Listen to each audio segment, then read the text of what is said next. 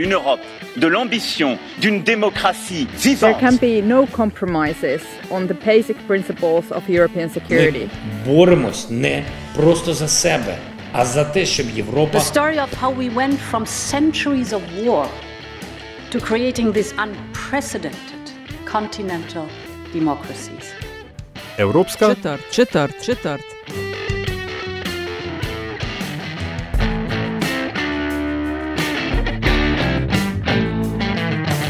You are listening to a podcast on all things European, a podcast we call a European Quarter and is part of Meta's List Media Network based in Slovenia. My name is Nataša Briški and I'm one half of the podcast team. And my name is Aljaž Pengov Bitenc, and I comprise the other half of the team. You'll find this podcast at metinalista.si as well as at your favorite podcast streaming service uh, or podcast provider. And Bled Strategic Forum, Aljaž, is at the center of our attention. Uh, this time around, we are doing an episode that might not be called quite typical for the European quarter, and maybe even not quite typical for the usual suspects, usual guests at the Bled Strategic Forum, but definitely uh, one of the most interesting, at least to me. Uh, indeed, Nataša, and yet I suspect that the subject of the, today's episode, this episode, will become more and more uh, common as uh, we go along because uh, one of the issues that we'll be touching on uh, in this episode is also, I presume, food security. Food security and uh, okay, okay, one of our interlocutors is looking at us. Food security, Ana Roš. You kind of gave me a stare mentioning food security. Uh, how does it sound on your end when uh, someone says food security? Well, weird because I would like to know what food security really is. okay, Aljaž, you're uh, Uh, more than welcome to explain. I don't know. Maybe maybe my uh, uh, terminology is, is, is off, but um, I'm assuming that as climate change is becoming more and more um, well part of our daily lives, because we seem to have missed the point of of, of uh, reducing it. We're now at the stage of mitigating it. Uh, as the population grows and as inequality in access to resources grows, there will be um, issues going forward in accessing basic nutrients, if you will. Am I way off the mark here? no, no, no, not even close. I mean, uh, honestly, I've been contacted by, by uh, United Nations already pre-pandemic time. Um, uh, they were trying to find uh, um, some chefs who would join their forces uh, to fight um, for a future of the planet um, where the food, of course, is a huge playground um, because I mean we are huge pollution at the end of the day, and uh, well because we are actually destroying ourselves as well. So everything is a kind of going in a wrong direction. Plus, uh, of course, by trying to save things, we sometimes just uh, pick up solutions that are around the corner and they have more or less no sense. That's why um, actually the person that is sitting next to me um, has uh, is today in Bled, even if he lives from if he lives really on the other side of the planet. Because he was the one who um, actually opened my my eyes that uh, we don't there is no need only to talk. Sometimes there is no need uh, even for the politics to be involved, because if we will not do it ourselves, no one will do it instead of us. But also because uh, I, with Rodney, and then he will start speaking, I understood that. Um, you know, sometimes you don't really need uh, huge investors or huge money uh, at your back to realize something that you know is right. Um, but yeah, we, we at the end of the day are small birds, so maybe uh, by being together on uh, Bled Strategic Forum, forum is uh, uh, gonna give at least a platform to start discussing something that in Slovenia is actually super realizable. uh, in Tasmania. It has happened already, but with one single bird for the moment. Um, and there are solutions to the food security or food future or our future. Uh, well, we see what's going on outside today and uh, in this summer. We are all a little bit contributing to that. hmm I'm going to make one step back. Ana Roš, chef Hiša Franko, thank you for being with us. And Rodney Dunn, chef the Agrarian uh, Kitchen, coming from Tasmania. How does it feel to be in Slovenia? This is not the first time, is it? Oh, it's my first time. It is. Yeah. Okay. Is it as you expected or you arrived lately? Um, everybody told me how beautiful it was, but I think it's one of those places you really have to see with your own eyes.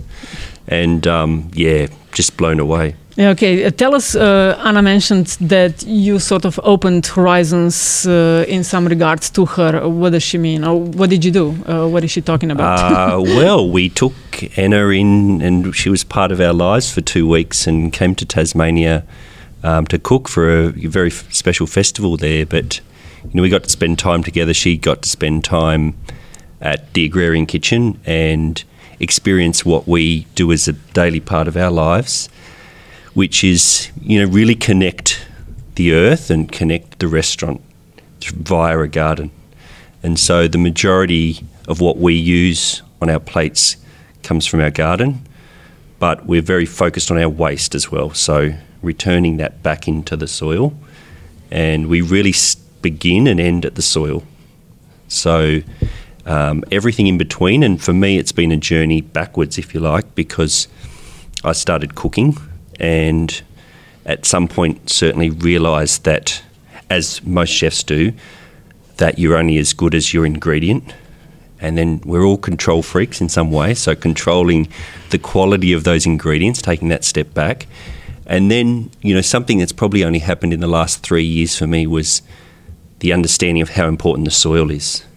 And firstly, it's selfishly thinking about flavour, but then also um, that leading us back to um, what's part of all of our lives, which is microbes and looking at soil microbes and how they can break our waste down and return that back to usable products to grow us the next vegetables that we'll use in the restaurant. So it's a it's a journey that's been you know super interesting for me, and certainly very um, you know a great honour to have Ana in Tasmania, but really kind of it's nice to have someone of her um, background recognise what we do as special because we just do what we do, you know, By the way, because we know it's right. By the way, you have a very neatly organized garden, jardin, uh, judging from your Instagram Oh, thank you. Just don't look only at the garden, look at the compost and uh, make him talk about it. yeah. Uh, but speaking of, of uh, well, sorry, speaking of compost and gardens and everything, Ana, you were famous. I mean, even in the before times when you were only quote unquote locally famous, you were famous for your um, spices garden? The herb garden. The herb garden. Thank you. Uh, my English is failing me at thi- thi- this late hour. Um, so, and I was wondering, you seem both seem to have a special connection to the local soil, to the local land, from the get-go. Is this something that is common in modern chefs, for the lack of a better word, or is still something that, or, or you're, you are, you guys are more of outliers?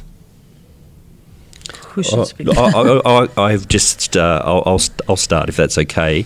I think what ties Ana and myself together is the regionality, and that I guess um, we're not in a big city. We don't have access to anything at any time, and so having and, and wanting to create a dining experience which is of our place, and having just had the pleasure of dining at Hiša Franko, you know that connection to place is is so important, and um, wanting to tell that story because, in partly, we want to share that where we live and with people, and you know I think we deeply understand, you know how important it is.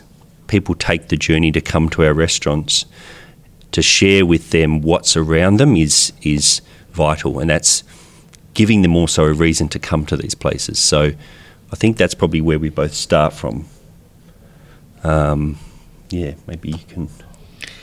Yeah, well, when um, when I talk about sustainability, because this is what we are talking about in this moment, um, I'm trying uh, sometimes not to be over direct and say that most of people, when they talk about sustainability, they actually bullshit. So it means like a lot of words, but actually no action. It means translated that um, sustainability became uh, a new fashion word for charity before, or well, I don't know what existed before charity, but however, when you wanted to, uh, um, uh, uh, you sure um, gender equality and discriminations in the kitchen. So these are all topics that of course like since the media bring them up then uh, all conferences all uh, if you want forums focus on that. But um, without actually trying to understand uh, what is behind it and how many words are spent to talk about something. And finally uh, where is the action because uh, we had um, last year uh, European Food Summit where uh, like we did some um, statement but I actually said to the organizer and I, and I still stand behind my words that one thing is a statement but who needs the statement? I think the world needs action. So uh, that is why I would like to say what makes us, the two of us, different is maybe that we both are taking action. So, um, Rodney, a lot, I will be very honest, a lot more than myself. Um, I'm trying to do my my best because I I absolutely never uh, went so deeply into a story um, regarding you know um, the circle that Rodney is applying in in agrarian kitchen where it means that when you step out of the kitchen you have uh, i don't know the whole uh, pile of something that looks carbonized. And i'm like what's going on here? And then i was trying to sneak into the garden to try to understand what's really going on. And i just understood that you know you buy a lamb you cook a lamb then of course uh, you eat you serve the lamb then you have the bones okay you cook down the stock i arrive up to there um, but then there's still bones even if you cook the stock out and uh, uh, well here rodney comes and he carbonized carbonizes the bones uh, and then powders them i guess Mm. and then Yep. brings them to the to the compost he will explain why so these are like can, can you we talk about no waste. The whole world talks about no waste and about sustainability. But when then you really go to the place where this really happens you understand how much knowledge you really need if you want to talk about that. And i feel sometimes a complete student even if Hiša Franko is absolutely one of the most sustainable restaurants with our own gardens gardens on 800 meters that Rodney has vis- visited yesterday. But it's a, lo- a lot of things still even in our case remain in um, um, explanations or if you want in a theory uh, but like still i could do a lot more action and i i mean i can absolutely talk about that. But then the rodney street gardeners when they spoke to me it was like uh, speaking in uh, ancient greek about something that i've never heard about maybe you take over from me on this point Well, you know, it's been a learning journey for all of us, and certainly journey is the right word. Um, when we start out, we certainly have something in mind of where we want to achieve, but it doesn't happen overnight. And I think you're probably being a little bit hard on yourself, but um, you know, for us, it was problem solution, problem solution, and the bones was one of those things that we had to deal with. We're like, we're not happy, we can't put them straight into compost. They're still there in five years' time, and so the solution to put them through the wood fired oven and carbonise them, break them up into make biochar with them that we can then use as homes and vehicles, not only to sequester carbon, I guess, and slow release carbon in our soils, but to house the microbes that will do the job in the compost um, in those. And, you know, one of the big problems for us was okay, so we want to create compost with our waste. But if we just put a big pile of compost at the back of the restaurant, food waste, guess what's going to happen? We're going to have every rodent within miles feasting at the back door of the restaurant, which is not a good look. So, you know, coming up with, and, and this is, you know, my head gardener Mitch is amazing. And, um, you know, coming up with a solution where we compost, but we compost anaerobically rather than aerobically. Um, so therefore, we have to introduce microbes that work at that level without oxygen, and doing it in closed situations.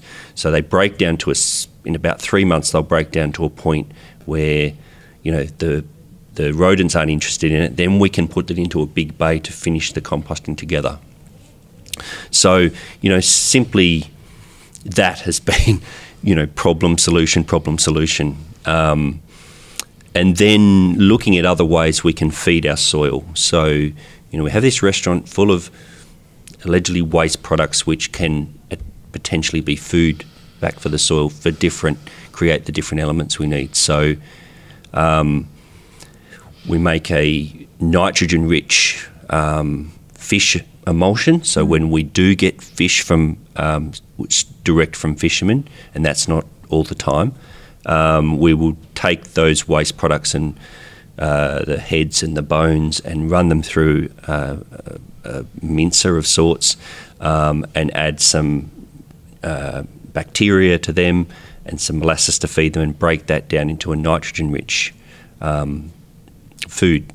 Um, and then we'll do that with our oyster shells, roast the oyster shells, crush them up, add vinegar that strips out the calcium and the phosphorus that we can then use to feed the garden too. So what we've managed to achieve is is that cycle where we can actually not there's not too many products we need to bring in to that garden. You know, pretty much we can feed it from our waste and create the next generation of vegetables. Ana, you were serious when you mentioned asking him about the compost. that, it, it, sounds very scientific. By the way, are Tasmanians uh, huge meat eaters? Uh, I know that in Slovenia we are above the EU average, but uh, what's the situation in Tasmania? Uh, look, I, I think we'd probably yes. I think as as you know, I'd probably say Australians as a whole okay. are, are, are, very meat centric in their diet. Um, Tasmanians, I would say, would be you know probably in in a similar vein if we just extracted mm-hmm. them from that population. Um, vegetables, you know, growing up, it was like it's we call it meat and three vegetables because that's how boring the diet is. And usually the vegetables were boiled and then boiled and boiled some more. So, um, yeah, vegetables didn't play traditionally a huge part in, in the mm. diet. It was very much about meat. We have the land to raise the meat, so there's lots of meat around. Yeah, the reason I asked is because eating too many animal products has serious repercussions for, for the climate change. Absolutely. And I was just thinking, Ana and Rodney, uh, are you thinking about that? How to, um, I don't know, are we moving toward plant based only, or how do you feel about that, Ana? Okay, I, I, Rodney has an amazing theory. Actually, it's the fact um, about what means to be vegetarian and then I will. You first tell your okay. theory, like yeah. how the plants actually are not even vegetarian. Yes. how much we need. So you know, it's all part of a system, and whilst the system has been skewed very heavily in the production and con- consumption of meat. Um, we actually need those grazing animals in a healthy system, and you know they'll come through and graze grass, which will help it grow again, which will help those roots really get down and, and those microbes to be working in a symbiotic relationship with those plants. And I don't think it's the fact that we um, should not consume meat. Certainly, mm-hmm. it's part of the healthy diet, but we consume way too much of it. So, certainly in our restaurant, um, you know, that element of it is used, and I know Ana's the same, certainly as flavour points. Mm-hmm. So, you know, one thing that we would do with um, meat certainly is firstly use the whole animal.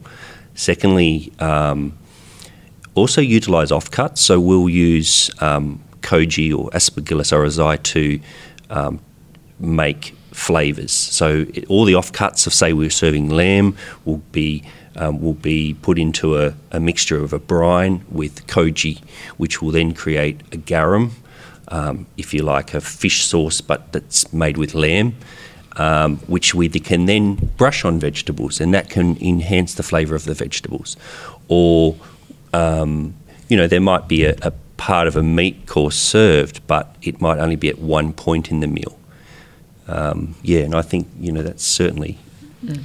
Well, yeah, Rodney just had a meal in Hiša Franko yesterday, and uh, you know, it's fun because it's. Uh, I think it's a 19 course meal in this moment, mm. but meat is actually uh, used on a few points just as a mm. spice. Do you, you, feel pressured by this no meat, not even less close. meat? No, not even close, because uh, I always stand behind the idea um, that we should balance our diet, actually. So it's like, uh, is it healthy to drink wine? Yes, in quantities. Is it, you know, um, healthy to uh, an incredible statement. Is it healthy to eat fruits?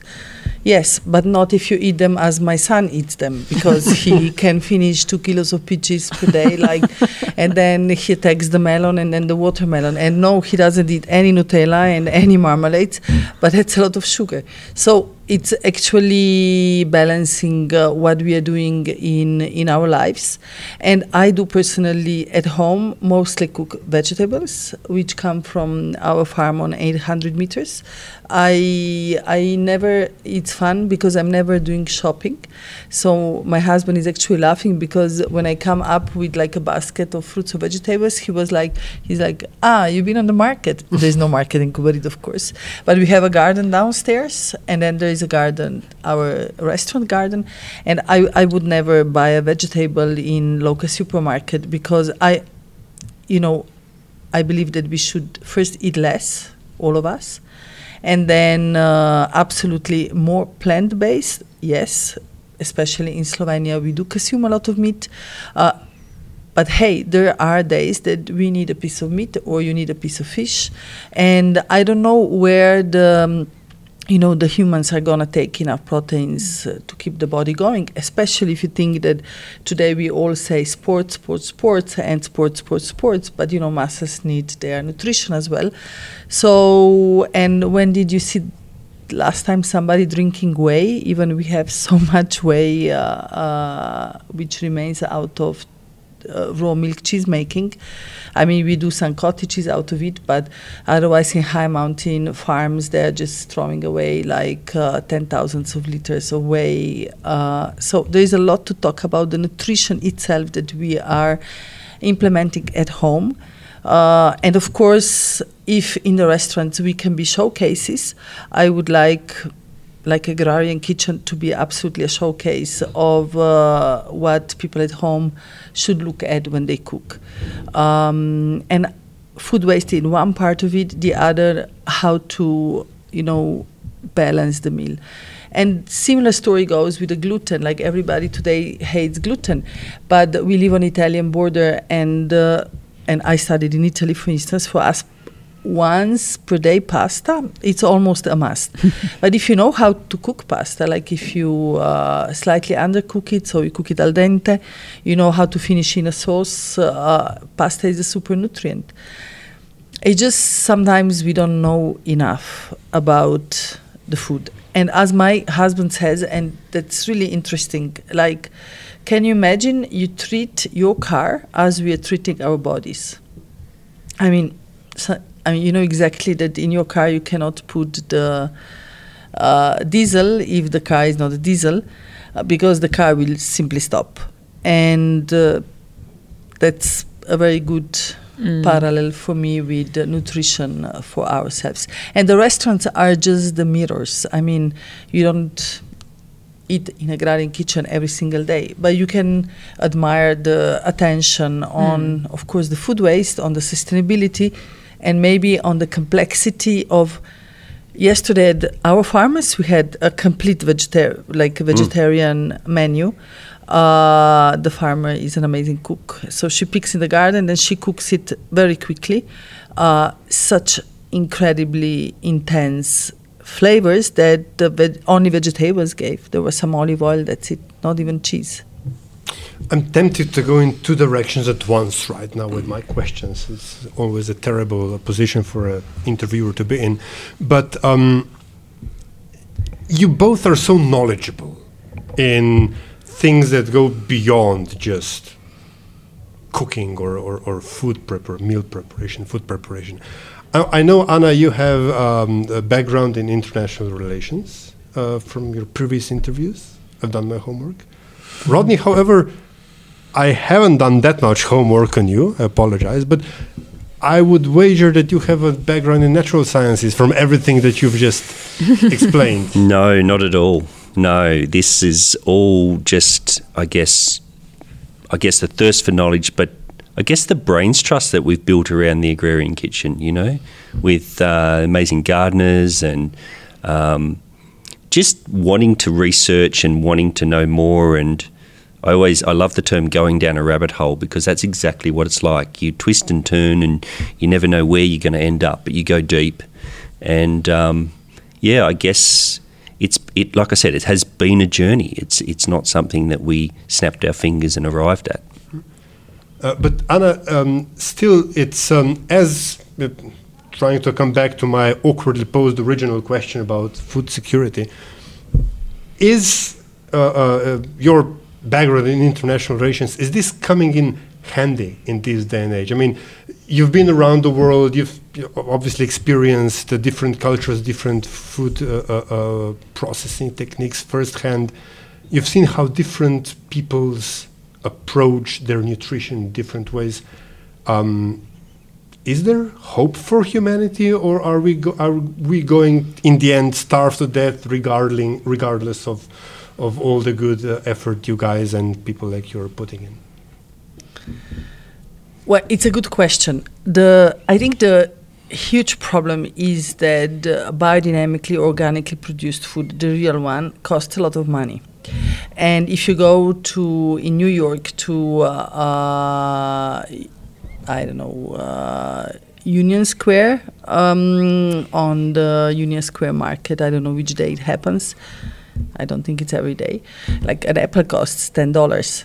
Um, so the question is, who can afford an apple for ten dollars? Um, as calculated, majority of people live in the cities. So Rodney being 45 minutes out of Hobart, or Hiša Franko being in Kobarid, uh, or even Ljubljana. Ljubljana is super simple. I mean, Ljubljana is a small town with uh, actually possibility of having gardens uh, in the whole city. Mm-hmm. Um, that is easy, but think about you know um, cities that have millions of inhabitants. They do depend on what you can buy in the supermarket, and a lot of them, of course, depend also on the price. So here, maybe today on that strategic forum, it could be an amazing platform to speak about this issue because it doesn't depend on us anymore. We can point the finger, we can be very good um, role models, but uh, then, of course, uh, it's the institutions that are a lot higher than we are that should take the situation in, in hands. Um, I mean, senseless to say, and everybody knows that uh, if you look at the lo- logics of the supermarkets, uh, I mean, uh, of course, I mean, everybody wants to have customers. So there is uh, uh, this uh, uh, never ending war. Uh, regarding prices or margins and squeezing the farmer at the end. So the project that I did during pandemic with Tuš, Ana Roš and Tuš was actually, I, I honestly call it today an I like Utopia, Utopia, uh, which uh, uh, at the beginning sounded that is gonna super land and have super great results, but because there was no shortcuts anywhere on the process, so we never negotiated the price with the farmers. We controlled um, that the industry that was realizing our products was really buying by the farmers and then most of things were handmade it doesn't go otherwise. Uh, the food was produced and at the end, because of that, also uh, consumed in a very healthy way. Um, so imagine that the, prices were high, but Tusha actually had to uh, say no thank you to their margins to be able to. St- you know, to be a little bit competitive on the market. Now think about all other products that we go to whichever supermarket no no sense to put names down. Um, of course like a project like this seems uh, utopia. Um, and i would also maybe point out um, uh, a situation that has happened in Kobarid and it's it's it makes everybody laugh but it's actually uh, uh, like a very good um, uh, showcase um, or role model in whatever is going on in the world. So Kobarid is a small town, has thousand inhabitants, all in all, and most of them are farmers. So Sloven- uh, farmers in the Soča Valley um, have a kind of a cooperativa, uh, where um, which ends in Mlekarna Planika, uh, so it's a local um, diary like uh, Latteria Sociale, and um, so the owners of the um, of this pl- Mlekarna Planika actually farmers, and uh, so they're collecting milk from high mountain farms, uh, uh, the meat, um, and they have a small supermarket in Kobarid that actually fulfills all the needs of uh, of local inhabitants. You want to have I don't know candles for the graveyard, you get them. The slippers for the grandma, you get them, but you get like uh, all the cheeses, all the yogurts that are local. Like my husband, who actually is from Ljubljana, says like an incredible small supermarket that you know you really can buy different things than in others. Hey, but the prices are of course higher because uh, they are not a part of any other supermarket chain. So uh, there is, uh, uh, and I know from the ex-director of Mlekarna Planika how much they were squeezed with their dairy products which come from high mountains, Rodney. They were squeezed to be able to go on the shelves uh, in other supermarket chains, like their yogurt or their butter. That is the best butter you can get in Kobarid. It's from high mountain milk. They were like they had to negotiate the price. So very often the director of the cooperativa said, "No, thank you. I'm not going to give you the butter because I cannot go under the price because the farmers need to be paid for their milk." So, uh, and then the fun story is like we, of course, all buy in Mlekarna Planika at the supermarket. And um, so, one of the international super chain groups um, wanted to come to the market, which is interesting because in the summer in Kobarid you have a few camping sites that get full. So, the sales are good, and in Planika you uh, honestly stay in line sometimes for 10 minutes to get out. And um, so uh, uh, the local community, the mayor, I mean, probably, I guess the Občina was offered money. And uh, so he gave a disposition the land, and when there was like the auction for the land, the price has been already decided. From the back door, the um, director of Cooperativa came and she said, 10% more, here is the money. and she sold, uh, she bought out the property and uh, like made sure that nobody else comes to Kobarid to go under the price of what is extremely unfair. And I was talking to the director of this supermarket chain international one that wanted to enter and she was like i can't believe people are so loyal and i was like well that should be an example i rather pay 20 cents more for yogurt but that is a good yogurt and i rather eat only one and not two but give me that yogurt that i know where it comes from so maybe That's partly this story can to be a you as well, and what you did with your team uh, at that valley.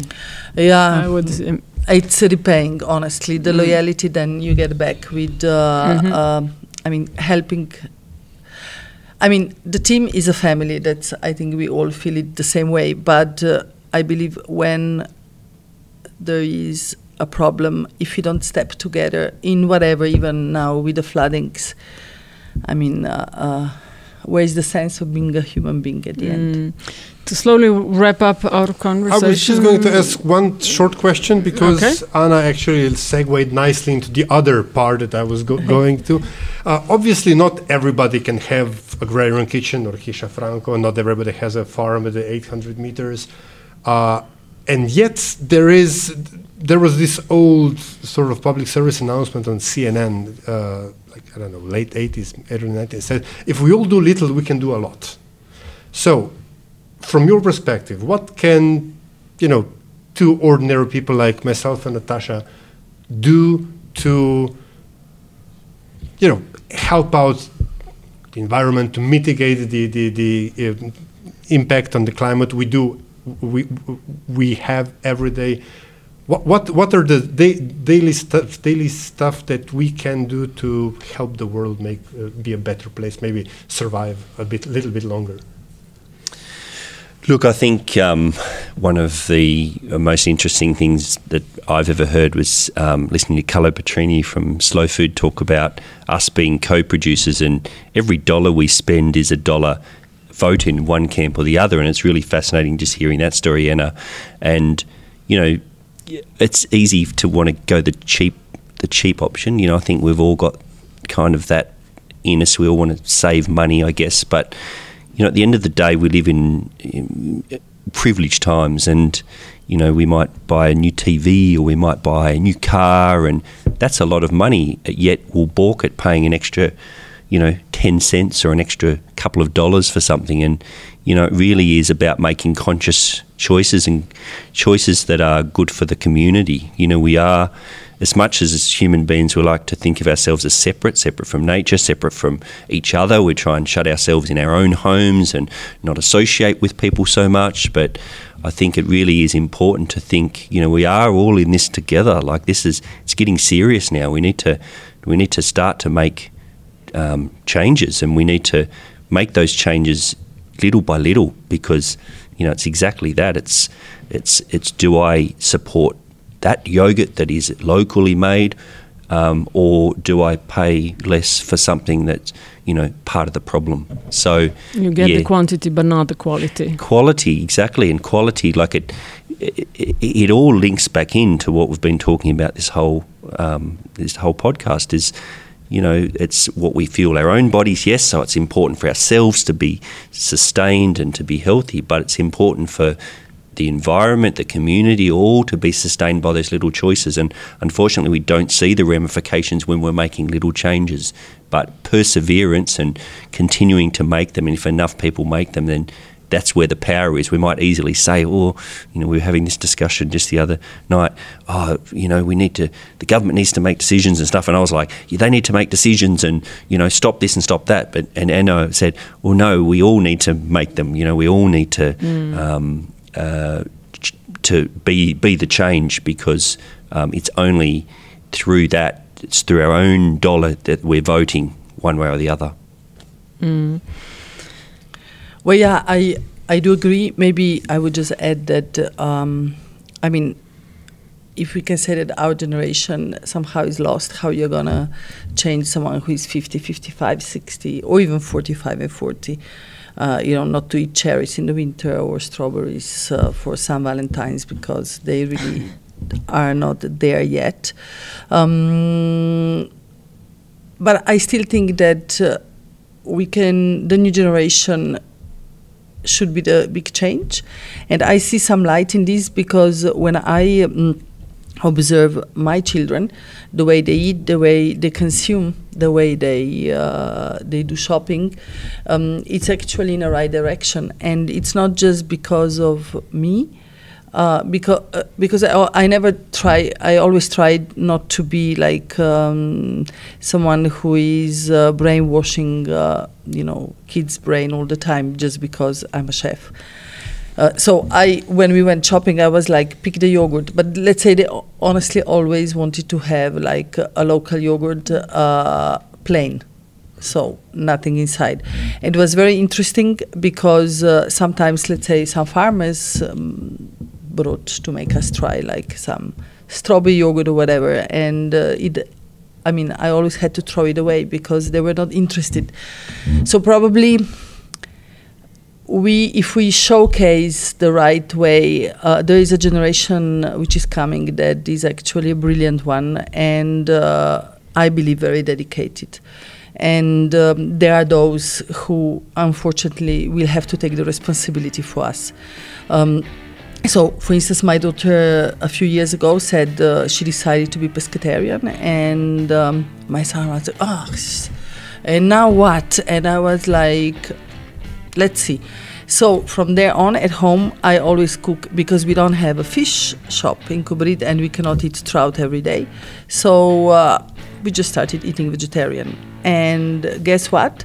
My son never actually even realized. Like he, like when his friends were coming to the house, they were like, "Oh, but you really never eat meat." And I was like, looking at Svit, and Svit was like, uh, "Well, yeah, apparently," because I mean, uh, I, I, you know, going back to cooking. How about that? Going back to cooking, we forgot how to cook. We forgot to cook at home. Everybody is shortcutting. When you cook at home, you can take a great eggplant and make an amazing meal out of one eggplant for two people, for sure. So maybe let's go back to the kitchen and and not because like I could say I have more than enough during the day, but I always cook lunch and dinner at home for the family. That's crucial for me. So let's say that I believe there I'm the biggest example. you guys are both going to be um, part here at Bled Strategic Forum of what's on the menu chef, um, a roundtable. I'm sure it's going to be driven a lot by values that you described during our interview. So uh, thank you very much for being part of the European Quarter podcast. It's been an honor. Thank you. With pleasure. Thank you so much. You've been listening to European Quarter, and this episode is part of a series prepared in cooperation and with the support of the Bled Strategic Forum. The views, information, or opinions expressed during the podcast series are solely those of the individuals involved and do not necessarily represent those of the Bled Strategic Forum. And as always, thank you for tuning in, and until next time, watch this space.